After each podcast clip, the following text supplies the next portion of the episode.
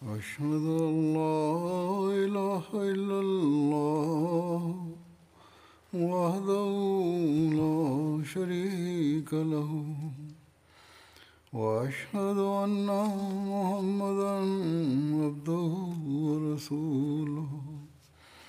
أما بعد فأعوذ بالله من الشيطان الرجيم. بسم الله الرحمن الرحيم. الحمد لله رب العالمين. الرحمن الرحيم. مالك يوم الدين. إياك نعبد وإياك نستعين. اهدنا الصراط المستقيم صراط الذين أنعمت عليهم غير المغضوب عليهم ولا الضالين Ini saya akan menyampaikan beberapa hal dari antara para sahabat. Yang pertama adalah Hazrat Abu Lubabah bin Abdul Munzir. Telah ditemukan beberapa riwayat berkenaan dengan beliau yang akan saya sampaikan. Detailnya telah disampaikan sebelumnya. Allama Ibni Abdul Bar menulis dalam karyanya Al-Isti'ab bahwa berkenaan dengan ayat Al-Quran yang berbunyi tarafu bidhunubihim khalatu amalan salihaw wa akhara sayyi'a dan ada pula orang-orang lain yang mengakui dosa-dosa mereka mereka mencampur baurkan pekerjaan yang baik dengan pekerjaan lain yang buruk Hadrat Abdullah bin Abbas bersabda bahwa ayat ini diturunkan berkenaan dengan Abu Lubabah dan tujuh, delapan, atau sembilan orang bersamanya. Mereka tidak ikut serta dalam perang tabuk, kemudian mereka merasa malu dan bertobat di hadapan Tuhan, lalu mengikatkan diri pada tiang. Perbuatan baik mereka adalah tobat, dan perbuatan buruk mereka adalah menghindari dari jihad. Diriwayatkan dari Mujammi bin Jariyah bahwa Hazrat Khansa binti Khidam menikah dengan Hadrat Unais bin Qatadah ketika beliau syahid pada hari perang Uhud. Kemudian ayah Hazrat Khansa binti Khidam menikahkannya dengan seorang pria dari suku Muzaina yang tidak disukainya. Hadrat Khansa datang menemui Rasulullah, lalu Rasulullah membatalkan pernikahannya. Kemudian Hadrat Lubabah menikah dengan Hadrat Khansa, dan darinya terlahir Hadrat Saib bin Abu Lubabah diriwayatkan atas Abdul Jabbar bin Ward bahwa saya mendengar dari Ibnu Abi Malikah bahwa beliau biasa mengatakan bahwa Abdullah bin Abi Yazid mengatakan bahwa Hadrat Abu Lubabah melewati kami, lalu kami bersamanya sampai beliau pergi ke rumahnya, dan kami pun ikut masuk ke rumah beliau. Kami melihat seorang laki-laki duduk dengan pakaian lusuh compang-camping. Saya mendengar ia berkata, Saya mendengar Rasulullah SAW bersabda, Barang siapa tidak membaca Al-Quran dengan suara yang baik, bukanlah dari antara kami. Sahabat selanjutnya adalah Hadrat Abu Diyah bin Thabit bin Nu'man. Terdapat satu riwayat bahwa Hadrat Abu Diyah pergi bersama Nabi Suci Sallallahu Alaihi Wasallam untuk perang Badar, tetapi ia terluka terkena ujung batu pada tulang keringnya. Karena itu ia kembali dan Rasulullah menyimpan bagiannya yang diperoleh dari perang Badar. Sahabat selanjutnya adalah Hadrat Ansa Maula Rasulullah SAW. Beliau dijuluki Abu Masruh dan sebagian berpendapat bahwa Abu Misrah. Hadrat Ansa lahir di Sarah. Sarah adalah tempat di dekat Yaman dan Abyssinia. Berkenaan dengan hijrahnya, dijelaskan bahwa ketika beliau hijrah ke Madinah, beliau tinggal bersama Hadrat Kulsum bin Al-Hidam. Sedangkan menurut beberapa riwayat, beliau tinggal bersama Hadrat Sa'ad bin Khaysamah. Imam Az-Zuhri meriwayatkan bahwa Rasulullah SAW biasa memberi izin kepada orang-orang untuk mulakat dengan beliau setelah zuhur dan Hadrat Ansa biasa meminta izin dari Rasulullah untuk orang-orang itu. Tugas beliau untuk mengabarkan tentang para pengunjung kepada Rasulullah SAW ke dalam rumah. Sahabat selanjutnya Hadrat Mursyad bin Abi Mursyad Imran bin Minah mengatakan bahwa ketika Abu Mursad dan putranya Mursad bin Abi Mursad hijrah ke Madinah, saat itu mereka berdua tinggal di rumah Hadrat Kulsum bin Hidam. Muhammad bin Umar mengatakan bahwa beliau juga ikut serta dalam perang Uhud dan syahid pada hari Sariyah Raji.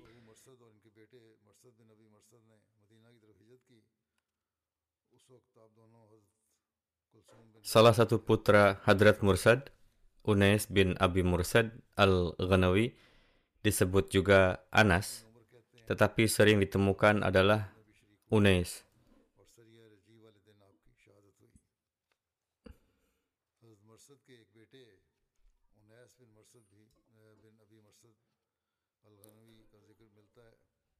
Beliau ikut serta pada kesempatan Fatah Makkah dan Perang Hunain bersama Rasulullah SAW.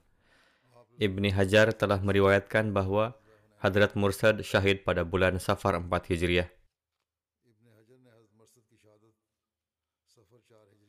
Sahabat selanjutnya Hadrat Abu Mursad bin Kinaz bin Al-Husain Al-Ghanawi.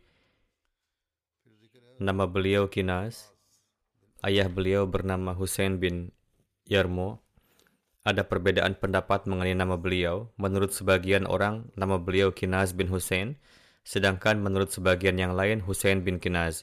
Dan ada juga yang mengatakan nama beliau adalah Aiman, namun yang lebih dikenal adalah Kinaz bin Husain. Hadrat Abu Mursad seumuran dengan Hadrat Hamzah dan sekutunya. Beliau berpostur tinggi dan memiliki rambut tebal. Baik Hadrat Abu Mursad dan putranya Hadrat Mursad radhiyallahu anhu mendapatkan kesempatan untuk berpartisipasi dalam perang Badar. Putra beliau Hadrat Mursad syahid dalam peristiwa Raji Seorang cucu Hadrat Abu Mursad, Hadrat Unais bin Mursad, juga merupakan sahabat Nabi. Beliau bersama Nabi Suci Sallallahu Alaihi Wasallam dalam Fatah Makkah dan pertempuran Hunain. Telah diriwayatkan bahwa pada Rabiul Awal 2 Hijriah, Rasulullah SAW mengirim sekelompok 30 muhajirin berkuda di bawah kepemimpinan pamannya Hadrat Hamzah bin Abdul Muttalib dari Madinah menuju wilayah Saiful Bahar di Is. Ketika Hadrat Hamzah dan teman-temannya sampai di sana dengan cepat, mereka melihat bahwa Abu Jahal, pembesar Mekah, ada di sana untuk menyambut mereka dengan 300 pasukan berkuda. Ketika kedua pasukan saling berhadapan dan pertempuran akan segera dimulai, Majni Majdi bin Amr al-Jahni, penguasa daerah itu yang memiliki hubungan dengan kedua belah pihak, turun tangan hingga pertempuran berhenti. Misi ini populer dengan sebutan Syariah Hamzah bin Abdul Muttalib.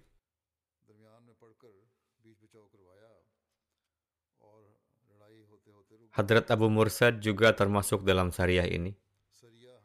Disebutkan dalam riwayat bahwa Rasulullah SAW mengikatkan bendera pertama ke Hadrat Hamzah dan dalam syariah ini bendera Hadrat Hamzah ini dibawa oleh Hadrat Abu Mursad anhu.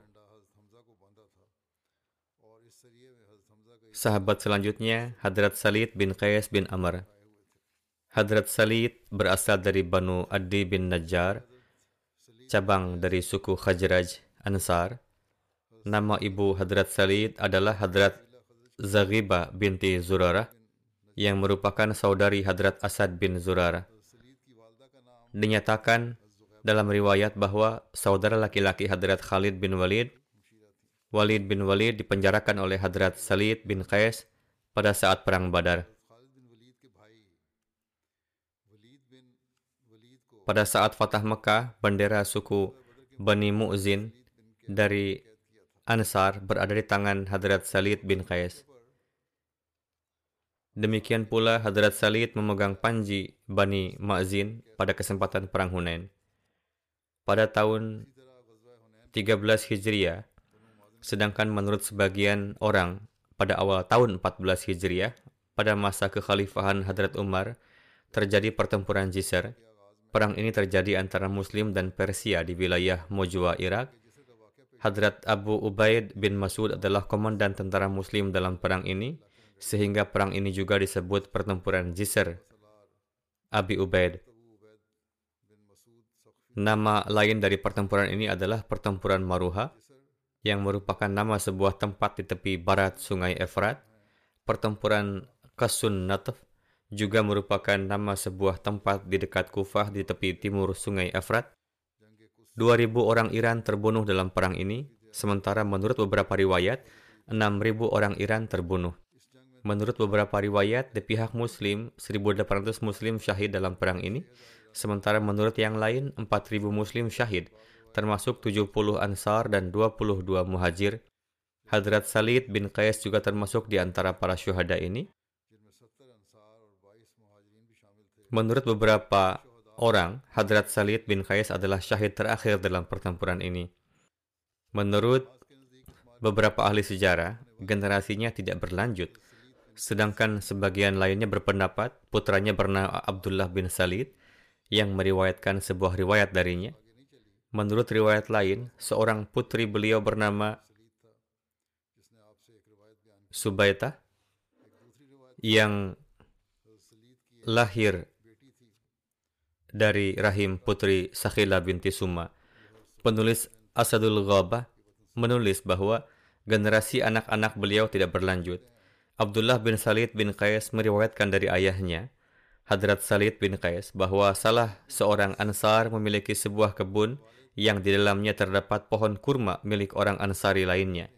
Dan orang itu biasa datang ke kebun tersebut pada pagi dan sore hari. Rasulullah SAW memerintahkannya untuk memberikan kurma dari pohonnya yang menempel di dinding kebun kepada Ansari, pemilik kebun itu. Sahabat selanjutnya adalah Hadrat Mujazir bin Ziyad.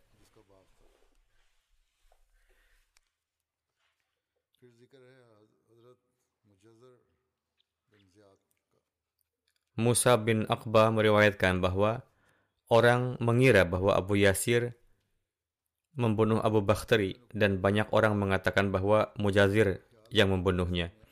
Hadrat Mujazir telah membunuh Suaid bin Samit pada zaman jahiliyah dan pembunuhan ini memicu perang Bu'ath. Belakangan, Hadrat Mujazir dan Hadrat Haris bin Suaid bin Samit menerima Islam. Tetapi Haris bin Suaid sedang mencari kesempatan untuk membunuhnya sebagai pembalasan atas kewafatan ayahnya. Dalam perang Uhud, ketika kaum Quraisy berbalik dan menyerang kaum muslimin, Haris bin Suaid membunuhnya dengan menikam lehernya dari belakang. Sekembalinya dari Ghazwa Hamra'ul Asad, Hadrat Jibril mendatangi Nabi Shallallahu Alaihi Wasallam dan mengabarkan hal itu. Haris bin Suaid telah membunuh Mujazir bin Ziyad dengan penipuan dan memerintahkan Nabi Suci untuk membunuh Haris bin Suaid sebagai balasan Mujazir bin Ziyad. Rasulullah SAW mengunjungi Kaabah pada hari yang sangat panas, Hadrat Uwaim bin Sa'idah membunuh Haris bin Suaid di gerbang Masjid Kaabah atas instruksi Rasulullah SAW. Riwayat ini dari Tabakatul Kubra.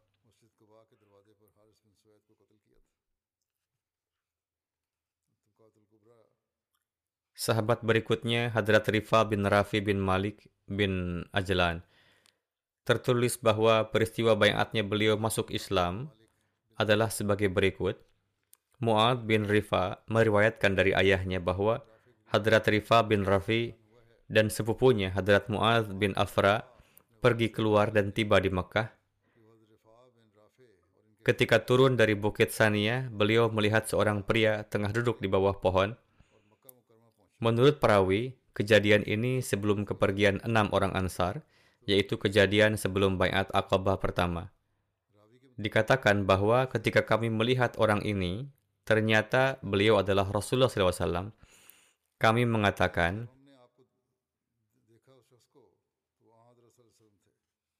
mari kita temui orang itu dan menitipkan barang kita kepadanya hingga kita selesai tawaf di Baitullah.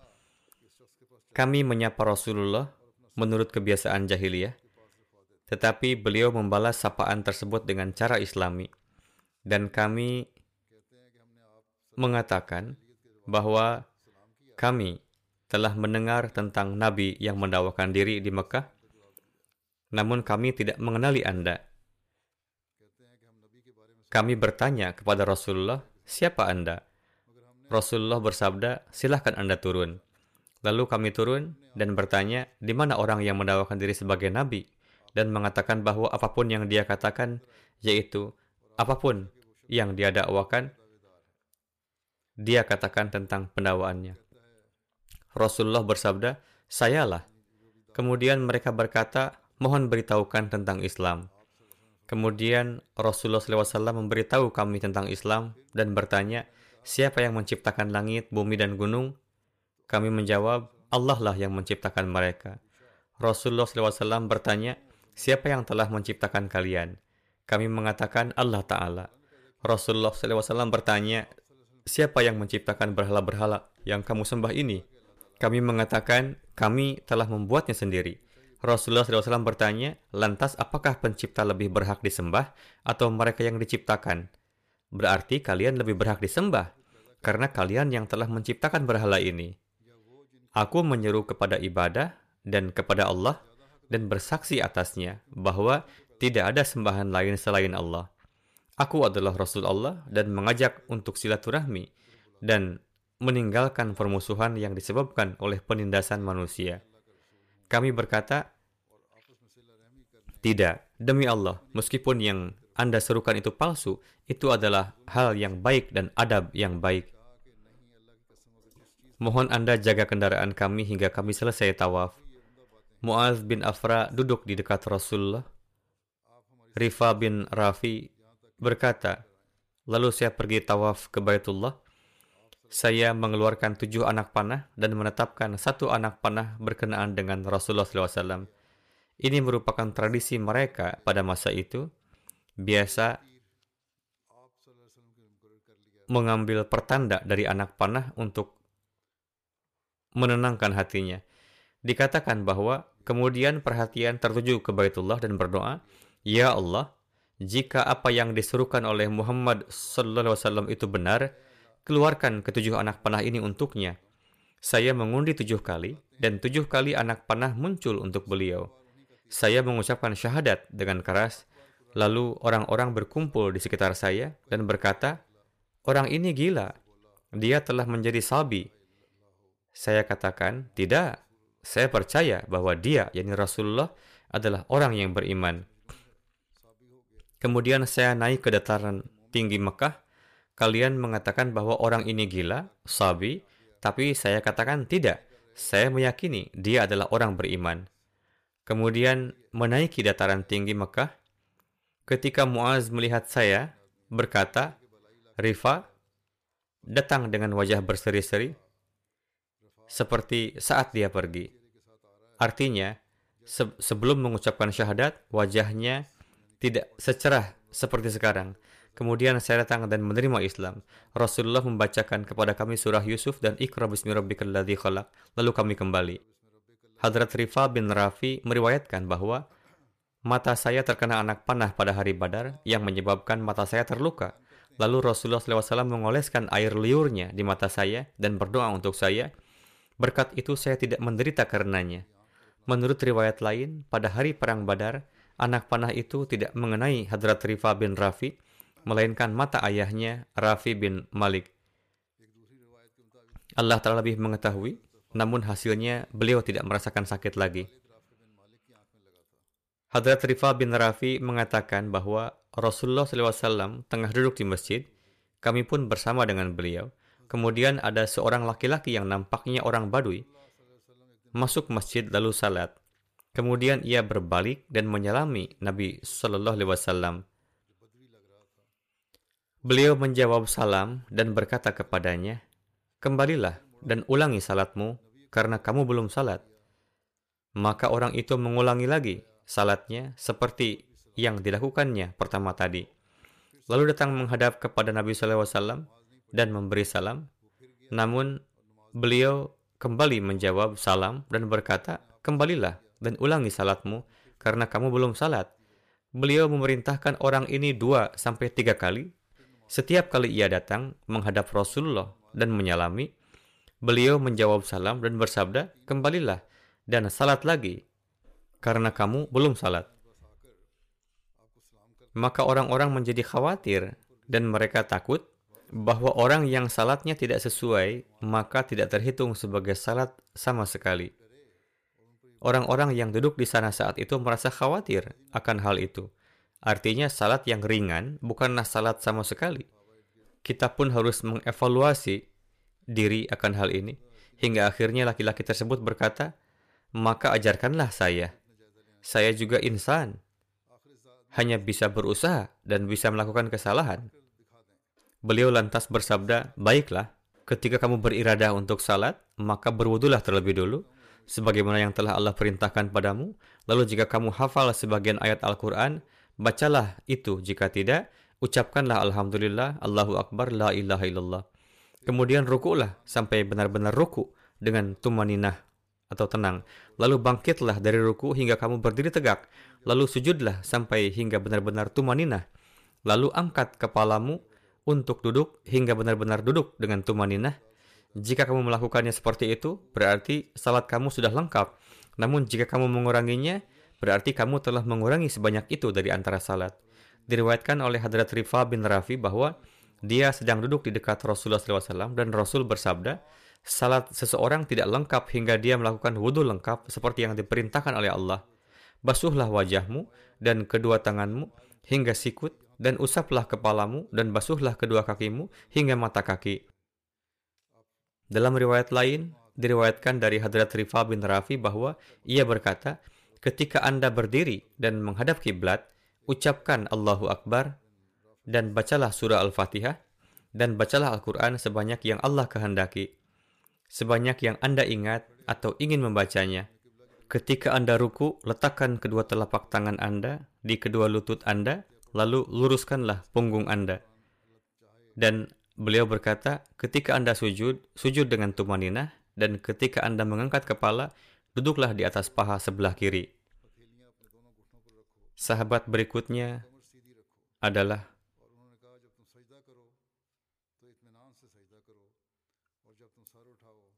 Hadrat Usaid bin Malik bin Rabi'ah. Dari Utsman bin Ubaidullah, saya melihat Abu Usaid mewarnai janggutnya dengan warna kuning. Ibnu Ishaq mengatakan bahwa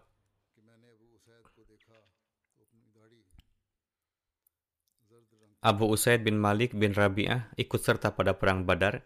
Ketika penglihatannya hilang pada masa akhir umurnya, beliau berkata, jika saya berada di tempat badar hari ini dan penglihatan saya baik-baik saja, maka saya akan memperlihatkan kepada kalian ngarai yang darinya muncul malaikat. Saya tidak menyimpan keraguan atau ilusi tentang hal itu. Diriwayatkan oleh Abu Usaid bin Malik bin Rabi'ah Sa'idi, dia berkata, kami sedang duduk bersama Rasulullah SAW. Saat itu seorang pria dari Bani Salma mendatangi beliau dan berkata, Wahai Rasulullah, kedua orang tua saya telah meninggal. Perlakuan baik apa yang bisa dilakukan kepada orang tua yang telah wafat? Rasulullah SAW berkata, ya, mendoakan mereka dan meminta pengampunan untuk mereka, memenuhi janji mereka sepeninggal mereka, bersilaturahmi kepada kerabat mereka, jalinlah hubungan dengan mereka, menghormati teman-teman mereka. Dengan cara ini, ganjaran akan terus mengalir kepada almarhum orang tua ganjaran akan terus mengalir kepada ruh mereka dan akan menjadi sarana pengampunan bagi mereka. Diriwayatkan oleh Malik bin Rabi'ah, saya mendengar Rasulullah SAW mengatakan, Ya Allah, ampunilah mereka yang mencukur rambutnya. Lalu seseorang berkata, dan juga mereka yang memotong rambutnya. Maka beliau SAW bersabda untuk ketiga dan keempat kalinya, dan mereka yang memotong rambutnya. Saya juga mencukur kepala saya hari itu, begitu besarnya kegembiraan yang saya rasa saat itu sehingga tidak akan saya rasakan bahkan jika saya memiliki unta merah atau kekayaan yang banyak. Utsman bin Arkam meriwayatkan dari ayahnya bahwa Rasulullah SAW berkata pada hari Badar, tinggalkanlah harta ghanimah yang kamu miliki.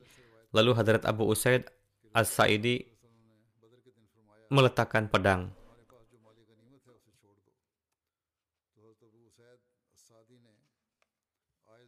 Aiz al-Mardaban. Hadrat Arkam mengambil pedang Aiz al-Mardaban dan berkata, Wahai Rasulullah, mohon berikan pedang itu kepada saya. Rasulullah memberikan pedang itu kepadanya. Sahabat selanjutnya adalah Hadrat Abdullah bin Abdul Asad. Dalam satu riwayat dikatakan bahwa Muhammad bin Amara mengatakan bahwa dia antara mereka yang hijrah dari Makkah dan Madinah. Hadrat Abu Salma bin Abdul Asad adalah yang pertama datang kepada kami. Beliau datang di Madinah pada 10 Muharram, sedangkan Rasulullah tiba di Madinah pada 12 Rabiul Awal. Terdapat selisih dua bulan antara muhajirin yang datang pertama dan tinggal bersama Bani Amr bin Auf dengan muhajirin yang datang terakhir. Hadrat Ummi Salma meriwayatkan bahwa ketika Hadrat Abu Salma hijrah ke Madinah, beliau tinggal bersama Hadrat Mubashir bin Abdul Munzir di Qaba. Rasulullah SAW menjalinkan persaudaraan antara Hadrat Abu Salma bin Abdul Asad dan Sa'ad bin Khaythimah ketika seorang pria dari suku Bani Tay yang datang ke Madinah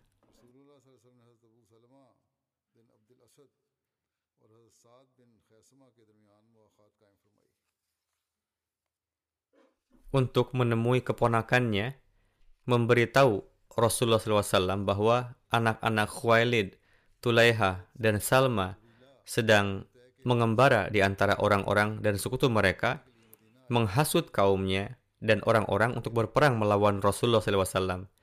Dia memanggil Abu Salma yaitu Abdullah bin Abdul Asad dan mengirim 150 muhajirin dan ansar di bawah kepemimpinan Bani Asad untuk mengatasi mereka. Dia menyiapkan bendera untuk mereka dan mengutus orang yang telah memberitahu mereka tentang Bani Asad sebagai pemimpin. Nabi suci Shallallahu Alaihi Wasallam memerintahkan Hadrat Abu Salma dan bersabda, kamu harus maju sampai kamu mencapai wilayah Bani Asad dan berkemah, lalu serang mereka sebelum mereka menghadapimu dengan pasukan mereka. Atas perintah ini, Hadrat Abu Salma melakukan perjalanan dengan sangat cepat siang dan malam dan pergi dengan rute yang tidak biasa agar secara tiba-tiba dapat mencapai Bani Asad sebelum mereka mendapatkan kabar kedatangan pasukan. Akhirnya ketika berjalan mereka sampai di mata air Bani Asad dan mereka menyerang sebuah kandang ternak dan menangkap tiga penggembala mereka. Semua yang lain berhasil melarikan diri menyelamatkan nyawa mereka. Hadrat Abu Salma membagi pasukannya menjadi tiga bagian dan menyimpan satu bagian untuk dirinya sendiri dan mengirim dua yang lainnya ke berbagai arah. Mereka menangkap beberapa unta dan kambing-kambing lainnya, namun tidak dapat menangkap satu orang pun. Setelah itu, Hadrat Abu Salma pulang ke Madinah. Ini adalah referensi dari Siratul Halbiyah. Amr bin Salma menuturkan bahwa Hadrat Abu Salma ikut serta dalam perang Badar dan Uhud, dan Abu Usama Jawshami melukai beliau pada perang Uhud. Dia menusuk lengan Hadrat Abu Salma dengan tombak kecil. Hadrat Abu Salma terus merawat luka tersebut selama satu bulan yang secara zahir nampak membaik, lukanya sembuh, dan tidak diketahui oleh siapa pun keparahannya. Pada bulan ke-35 setelah hijrah, di bulan Muharram, Hadrat Rasulullah SAW mengutus beliau dalam sebuah ekspedisi ke Katan, wilayah Banu Asad. Diriwayatkan mengenai Katan bahwa Ini adalah sebuah pegunungan di antara Unaizah, Najad, dan Khaybar yang di sebelah utaranya Banu Asad tinggal. Beliau kembali setelah berada di luar Madinah lebih dari 10 malam. Luka beliau menjadi parah dan beliau sakit. Lalu beliau wafat pada tanggal 3 Jumadil akhir tahun 4 Hijriah. Diriwayatkan dari Abu Qilabah bahwa yang mulia Nabi Shallallahu Alaihi Wasallam datang untuk menjenguk Hadrat Abul Salma bin Abdul Asad. Ruh beliau pergi bersamaan dengan kedatangan Rasulullah SAW. Parawi menuturkan bahwa atas hal itu para wanita di sana mengatakan sesuatu hal. Maka Hadrat Rasulullah SAW berkata, hentikanlah. Janganlah berdoa untuk jiwamu kecuali yang baik. Karena para malaikat hadir bersama jenazah atau beliau bersabda bersama keluarga jenazah. Para malaikat mengaminkan doa mereka, oleh karena itu janganlah berdoa untuk diri sendiri kecuali untuk kebaikan. Tangisan dan ratapan ini hendaknya jangan dilakukan. Kemudian Rasulullah SAW bersabda, Ya Allah, lapangkanlah bagi beliau kuburnya dan terangilah bagi beliau di dalamnya. Tambahkanlah nur beliau dan ampunilah dosa-dosa beliau. Ya Allah, tinggikanlah derajat beliau di antara orang-orang yang telah mendapatkan petunjuk. Jadikanlah penerus beliau di antara orang-orang yang beliau tinggalkan. Ampunilah kami dan beliau, wahai Rab semesta alam. Kemudian beliau selalu bersabda, ketika ruh keluar, ia meninggalkan tatapan. Apakah kalian tidak melihat matanya masih terbuka? Selanjutnya, riwayat Hadrat Khalad bin Rafi Az-Zuraqi yang merupakan sahabat Ansar. Hadrat Khalad bin Rafi berasal dari Ajalan, yang merupakan cabang dari kabilah Ansar, Banu Khajraj. Nama ibunda beliau adalah Ummu Malik binti Ubay bin Malik. Putra beliau bernama Yah Yahya yang lahir dari rahim Ummu Rafi binti Utsman bin Khaldah. Semua putra beliau meninggal. Demikianlah yang tertulis di awal. Sebagaimana telah disampaikan sebuah riwayat mengenai salat di mana Hadrat Rasulullah SAW memerintahkan kepada seseorang untuk mengulanginya salat dua kali hingga tiga kali. Terdapat riwayat dari, dalam Sahih Bukhari bahwa diriwayatkan dari Hadrat Abu Hurairah bahwa Rasulullah SAW datang ke masjid. Tidak berapa lama, seseorang datang dan melaksanakan salat. Kemudian ia menyampaikan salam kepada Hadrat Rasulullah. Rasulullah menjawab salam dan bersabda, kembalilah dan laksanakanlah salat. Demikian juga untuk kedua kalinya, Rasulullah menyuruhnya kembali dan bersabda, kembalilah dan laksanakanlah salat. Sebagaimana telah disampaikan sebelumnya, kemudian orang itu berkata, demi zat yang telah mengutus anda dengan kebenaran, saya tidak bisa melaksanakan salat yang lebih baik dari ini. Oleh karena itu, ajarilah saya.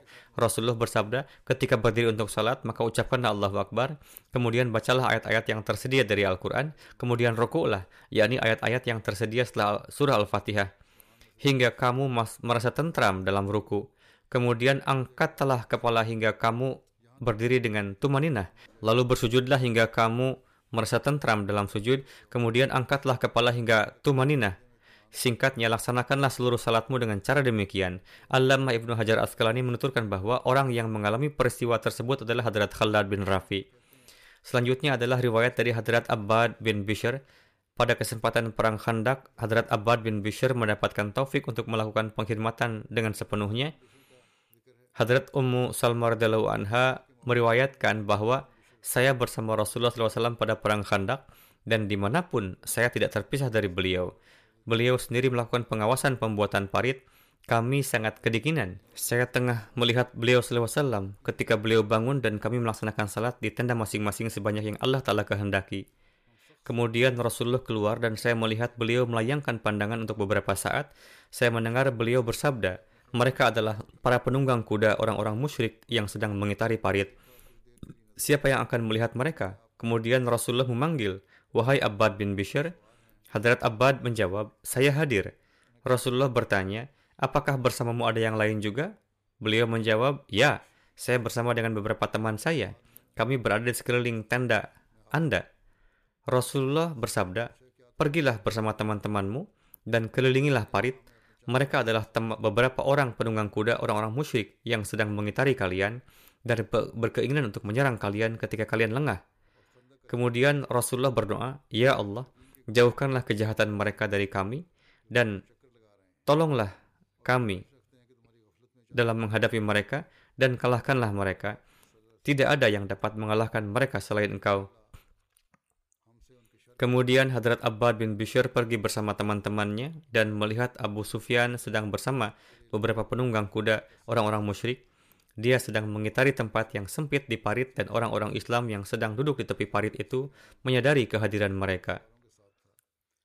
Orang-orang Islam menghujani mereka dengan batu dan anak panah. Kemudian kami juga berhenti bersama mereka dan kami memanah mereka hingga kami memaksa orang-orang musyrik itu untuk menyingkir dari posisi mereka dengan memanah mereka. Lalu mereka kembali ke kemah mereka dan saya datang kepada Rasulullah dan saya mendapati beliau dalam keadaan sedang melaksanakan salat. Kemudian saya memberitahukan kepada beliau mengenai peristiwa tersebut. Hadrat Ummu Salma meriwayatkan bahwa kemudian Rasulullah tertidur hingga saya mendengar suara nafas beliau dan Rasulullah tidak bangun hingga saya mendengar Hadrat Bilal mengumandangkan azan subuh dan nampak putihnya fajar. Kemudian Rasulullah SAW keluar dan mengimami salat orang-orang Islam. Hadrat Ummu Salmah radhiallahu anha menuturkan, Semoga Allah Ta'ala mengasihi Abbad bin Bishr di antara para sahabat Rasulullah SAW, beliau adalah yang paling melekat dengan kemah Rasulullah SAW dan selalu menjaganya.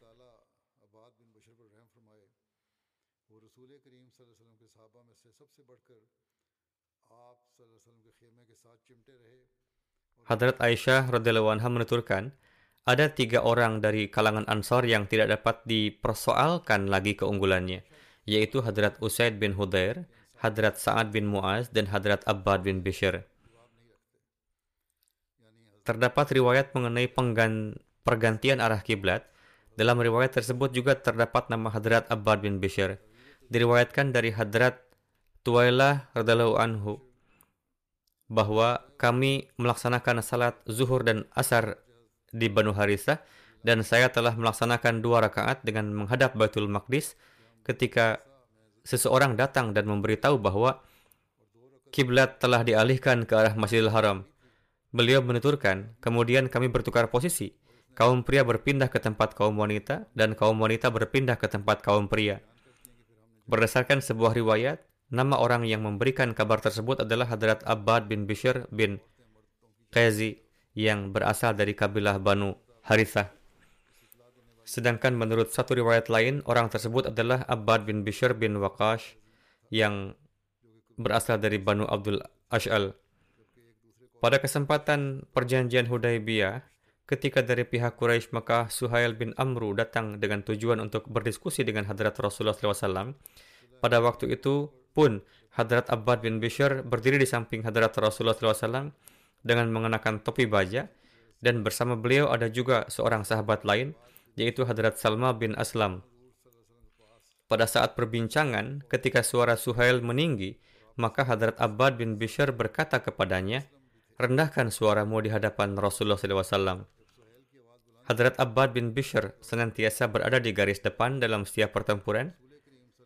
Ketika Uyainah bin Hisan Fazari bersama beberapa penunggang kuda dari Banu Ghaffan menyerang Ghabah, tempat di mana unta-unta betina penghasil susu milik Rasulullah SAW biasa merumput, mereka membunuh orang yang ditugaskan untuk menggembala unta-unta tersebut dan membawa istrinya serta unta-unta milik hadrat Rasulullah SAW.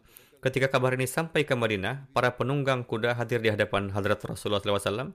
Disebutkan dalam riwayat bahwa dari kalangan Ansar, setelah hadrat Mikdad bin Aswad, yang pertama datang kepada hadrat Rasulullah SAW adalah hadrat Abbad bin Bishr. Ekspedisi ini dikenal dengan nama Ghazwah Karad.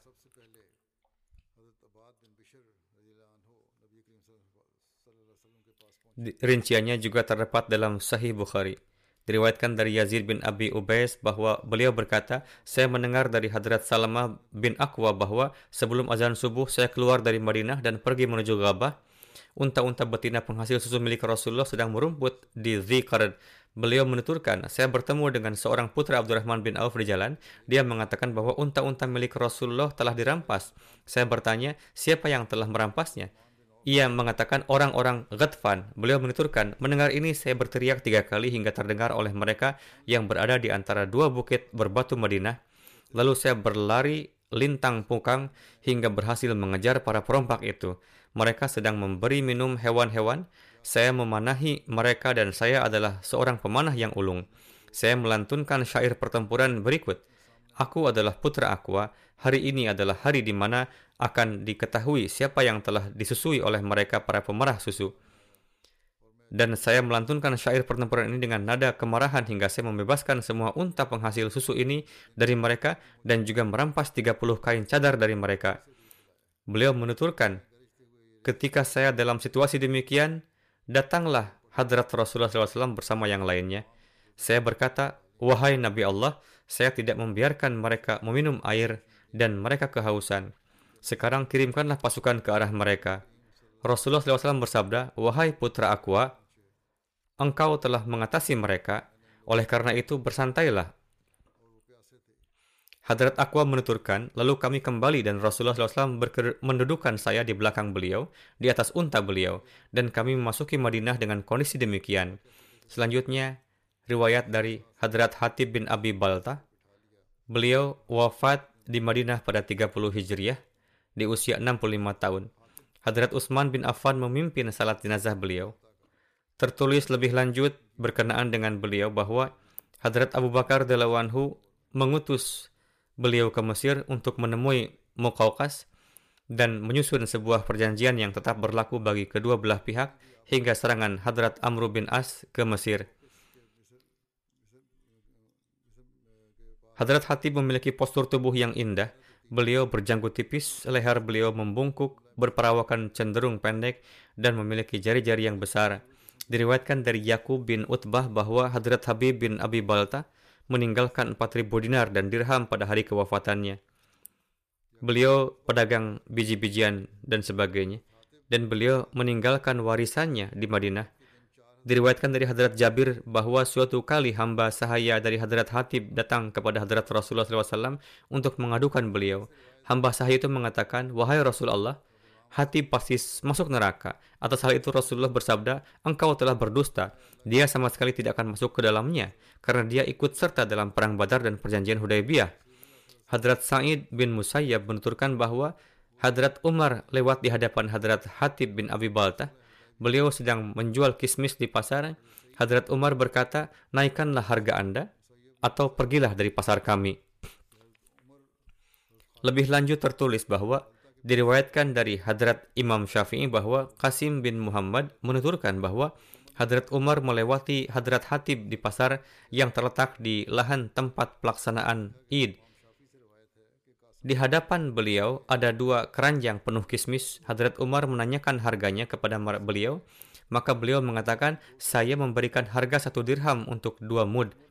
Hadrat Umar berkata kepada beliau, saya telah diberitahu mengenai kafilah yang datang dari Taif bahwa mereka mempercayai harga Anda. Naikkanlah harga atau juallah di rumah sesuai dengan harga yang Anda inginkan. Ketika Hadrat Umar pulang dan memikirkannya, maka beliau pergi ke rumah Hadrat Hatib untuk menemuinya dan mengatakan kepadanya, apa yang saya katakan kepada Anda bukanlah suatu paksaan dari saya, bukan juga keputusan dari saya. Saya menyampaikan ini semata-mata untuk kebaikan warga masyarakat. Juallah di mana pun yang Anda mau dan berapapun harga yang Anda mau. Hadrat Muslim Ma'ud bersabda berkenaan dengan hal ini bahwa Sejak zaman Rasulullah SAW, pemerintahan Islam telah mengontrol harga-harga di Madinah, Munawarah, Terdapat dalam hadis bahwa Hadrat Umar suatu kali berkeliling di pasar Madinah dan beliau melihat seorang yang bernama Hatib bin Abi Baltah duduk di pasar dengan dua karung buah anggur kering. Ketika Hadrat Umar menanyakan kepadanya mengenai harganya, beliau mengatakan satu dirham untuk dua mud. Harga tersebut lebih murah dari harga umum di pasar. Atas hal itu, Hadrat Umar memerintahkan kepada beliau untuk menjualnya di rumah. Namun di pasar beliau tidak dapat menjualnya dengan harga semurah itu karena akan merusak harga pasar dan masyarakat akan berburuk sangka terhadap para pedagang di pasar. Hadrat Muslim Ma'ud menulis bahwa para ahli fikih banyak berdebat mengenai hal ini. Sebagian juga mengutip riwayat-riwayat yang menyatakan bahwa belakangan Hadrat Umar membatalkan pemikirannya ini, namun umumnya para ahli fikih telah mengakui pendapat Hadrat Umar ini sebagai sesuatu yang patut diamalkan, dan mereka menulis bahwa menjadi kewajiban pemerintahan Islam untuk menetapkan harga. Jika tidak, maka akan terjadi kerusakan pada akhlak dan kejujuran bangsa. Namun perlu diingat bahwa di tempat ini hanya disebutkan barang-barang yang dibawa ke pasar. Barang-barang yang tidak dibawa ke pasar dan bersifat individual tidak disebutkan di sini. Alhasil, mengenai barang-barang yang dibawa dan dijual di pasar, Islam telah memerintahkan dengan jelas bahwa harus ditetapkan harga sehingga tidak ada pemilik toko yang dapat menaikkan atau menurunkan harga. Oleh karena itu, beberapa asar dan hadis juga telah ditulis oleh para ahli fikih yang mendukung hal ini. Di sini, dalam persaingan mereka berusaha saling menyakiti. Oleh karena itu, hendaknya ada kesamaan harga.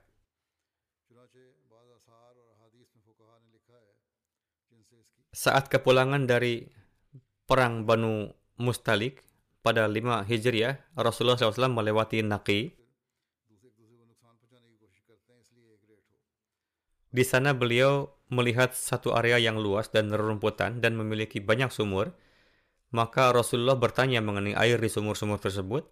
Dijawab bahwa, wahai Rasulullah, ketika kami memuji sumur-sumur ini, airnya akan berkurang dan sumur-sumur ini menjadi kering. Atas hal ini, Hadrat Rasulullah memerintahkan Hadrat Hatib bin Abi Balta untuk menggali sebuah sumur. Rasulullah memerintahkan supaya Naki dijadikan tempat penggembalaan. Beliau menetapkan Hadrat Bilal bin Haris Muzni sebagai pengawasnya. Hadrat Bilal bertanya, "Wahai Rasulullah sallallahu alaihi wasallam, berapa banyak dari tanah ini yang harus saya jadikan tempat penggembalaan. Rasulullah SAW bersabda, ketika fajar menyingsing, perintahkanlah seorang yang bersuara lantang untuk berdiri. Dalam kegelapan malam, suara terdengar hingga jauh. Oleh karena itu, saat fajar menyingsing, perintahkanlah seseorang untuk berdiri di atas sebuah bukit yang bernama Makmal sejauh suara orang itu dapat sampai.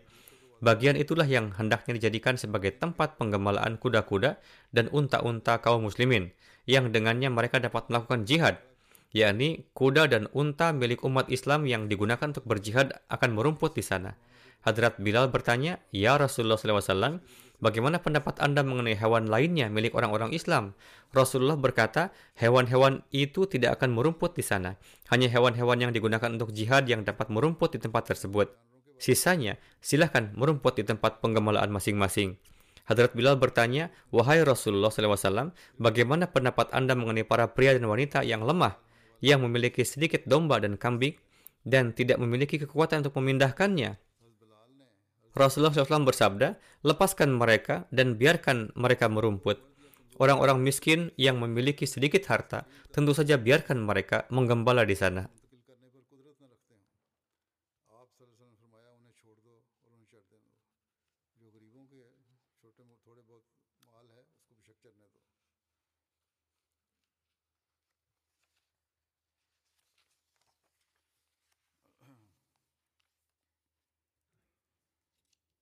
Berkenaan dengan hadis yang telah disampaikan sebelumnya bahwa ada seorang sahabat Ansar yang berselisih dengan Hadrat Zubair mengenai sungai Hira yang dulunya digunakan orang-orang untuk mengairi pohon-pohon kurma. Sahabat Ansar itu meminta Hadrat Zubair untuk mengalirkan air.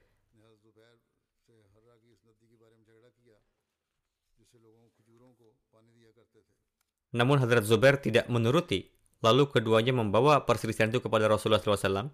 Hadrat Rasulullah bersabda kepada Hadrat Zubair, Zubair, siramilah pohon-pohonmu, lalu alirkanlah air untuk tentanggamu. Sahabat Ansor itu marah dan berkata, Anda memutuskan seperti ini karena dia adalah anak dari bibi Anda.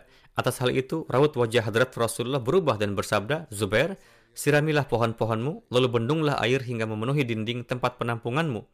Hadrat Zubair berkata, Demi Allah, saya memahami bahwa pada saat itulah ayat ini diturunkan bahwa, Demi Allah, mereka tidak akan menjadi mukmin selama mereka tidak menaatimu dalam hal-hal yang mereka perselisihkan di antara mereka. Ini adalah riwayat dari Bukhari.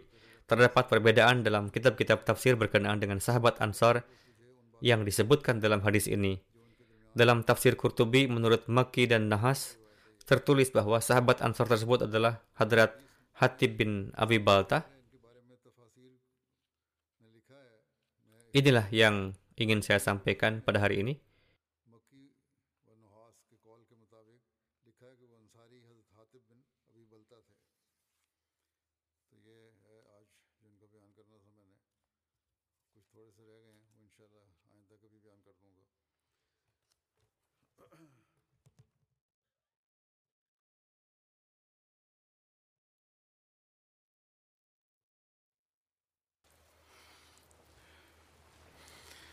الحمد لله الحمد لله نحمده ونستعينه ونستغفره ونؤمن به ونتوكل عليه.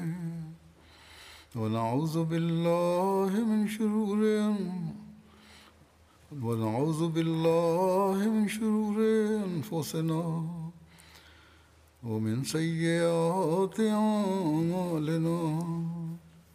من يهده الله فلا مضل له ومن يضلل فلا هادي له. ونشهد أن لا إله إلا الله ونشهد أن محمدا عبده ورسوله. عباد الله رحمكم الله. إن الله يأمر بالعدل والإحسان وإيتاء ذي القربى وينهى عن الفحشاء والمنكر والبغي يعظكم لعلكم تذكرون اذكروا الله يذكركم ودوه يستجب لكم ولذكر الله أكبر